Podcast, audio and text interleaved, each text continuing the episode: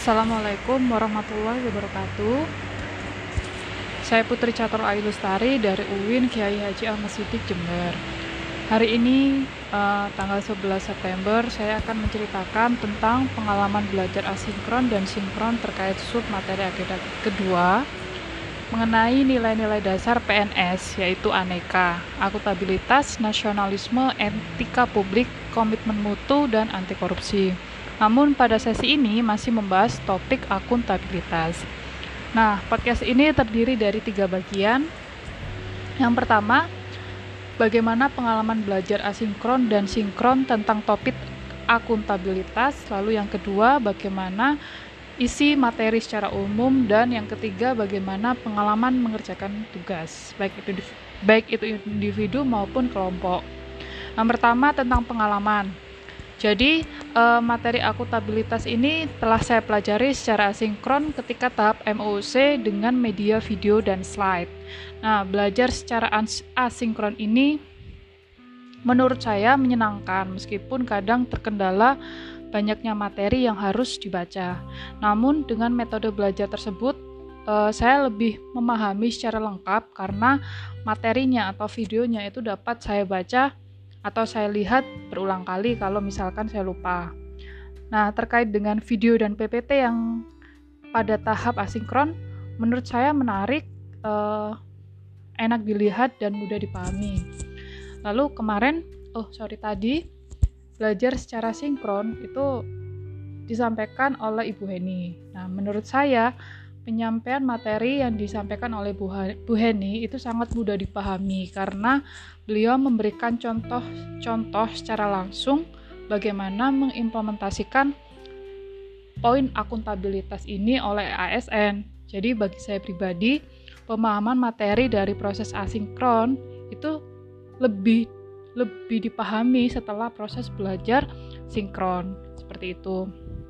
Nah, lalu pada uh, bagian kedua tentang isi materi secara umum. Nah, dari sisi materi ini, uh, akuntabilitas itu merupakan kewajiban dalam memenuhi tanggung jawab yang diberikan kepada ASN. Akuntabilitas ini berbeda ya dengan responsibilitas.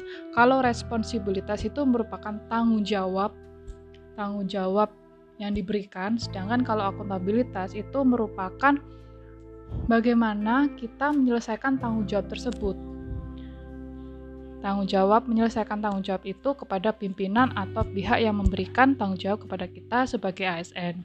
Nah, akuntabilitas ini berperan untuk menyediakan kontrol demokratis, mencegah korupsi dan penyalahgunaan kekuasaan, serta meningkatkan efisiensi dan efektivitas. Sehingga tujuan dari akuntabilitas ini itu sebenarnya untuk memperbaiki kinerja PNS dalam memberikan pelayanan kepada masyarakat. Lalu Bu Eni juga menyampaikan aspek-aspek akuntabilitas. Jadi akuntabilitas itu merupakan sebuah hubungan. Artinya hubungan tanggung jawab antara pimpinan kepada ASN yang diserahi atau diberikan tanggung jawab. Jadi ASN tersebut bertanggung jawab menyelesaikan tugas yang diberikan oleh pimpinan, sementara akuntabilitas dari sisi pimpinan itu dengan cara melakukan evaluasi terhadap laporan kinerja ASN. Jadi bentuk dari akuntabilitas itu salah satunya ya berupa laporan yang diserahkan kepada pimpinan atau atasan. Selain itu juga akuntabilitas membutuhkan konsekuensi dan harus berorientasi pada hasil. Nah, sekarang ke segmen yang ketiga yaitu pengalaman mengerjakan tugas. Nah, hari ini ada dua jenis tugas, tugas individu yaitu membuat jurnal learning seperti biasa menggunakan media podcast.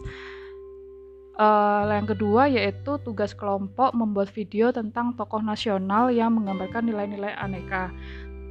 Kalau tugas pribadi, menurut saya uh, tidak memiliki tantangan yang berarti. Namun kalau untuk tugas kelompok, tantangannya terkait pembagian tugas dan menyamakan jadwal untuk diskusi.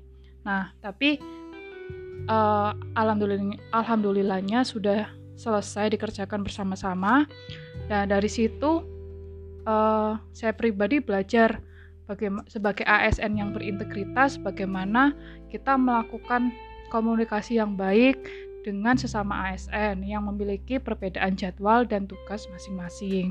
Sekian Journal Learning hari ini. Terima kasih. Assalamualaikum warahmatullahi wabarakatuh.